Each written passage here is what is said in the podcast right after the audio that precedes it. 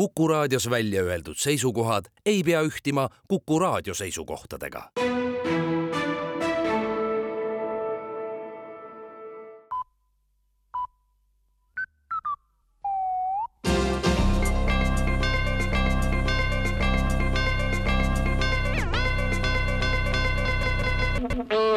tere kuulama uudiseid stuudios Rohke Debelak Eesti on üldises plaanis tuumajaamaks valmis, märgib tuumajaama töörühm esimeses põhjalikus raportis. korraliku tuumajaama tarvis on Eestis olemas intellektuaalne ja materiaalne baas ja inimesed, kellel ka vastavad kogemused erinevate jaamade korraldamises nagu Auvere elektrijaama, Utah kõrbe põlevkivijaama ja ülevaatlikumalt öeldes ajalukku vaadates on kogu aeg olnud üks jama jama otsas ja seega pole põhjust karta, et projekti vedavad jõud ei saaks korraliku tuumajaamaga hakkama, vaatamata sellele, et sellise jama prototüüpigi veel olemas ei ole. peab lihtsalt meie endi tüüpidesse uskuma ja nii saab Eestis ka tuumajaama vallas teenäitaja, märgitakse töörühma pressiteates täna hommikul andis aga valitsus välja käibemaksu tõusu alase eriteate.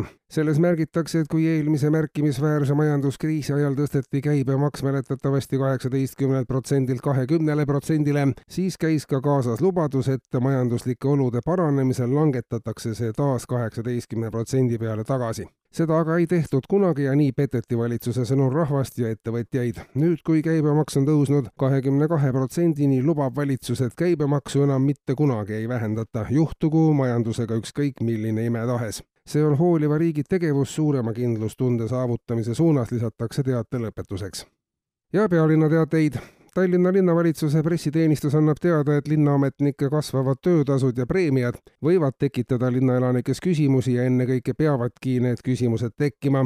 linnal on linnarahvale ka sõnum, siin maailmas ei juhtu mitte midagi, kui sa ise ei tee. linnaametnikud tahtsid suuremat palka ja pidid seda ise tõstma. kui linnaelanikud tahavad suuremat palka, siis peavad nad enda palka ka ise tõstma. linn ei saa inimeste palka tõsta, vaid saab tõsta ainult enda oma ja nii anda inimestele eeskuju, mida teha tuleb tuleb, kui raha kipub väheks jääma. linnavalitsus lubab, et ametnikud hakkavad iga poole aasta tagant inimestele sellist eeskuju näitama ja lõpetuseks jõuametkondade ülevaate kohaselt möödus seekordne aastavahetus üldjoontes keskmiselt ja suurem osa elanikkonnast vahetas vana aasta uue vastu. see tegevus on veel pooleli kolmeteistkümnel protsendil elanikkonnast, aga lähema kahe nädala jooksul saab enamik inimesi sellega lõpuks siiski hakkama on ka erandeid, näiteks Puhja lähedal elaval Aago Kaarepil on vahetamata kahe tuhande kahekümne esimene aasta uuema vastu. Õismäel elaval Valduril on terve sajand vahetamata ja Ida-Virumaal Käretses on terve küla, kus hetkel käimas tuhande üheksasaja seitsmekümne kaheksanda aasta kevadkülvi järgne pidustuste seeria, mis vaibumise märke ei näita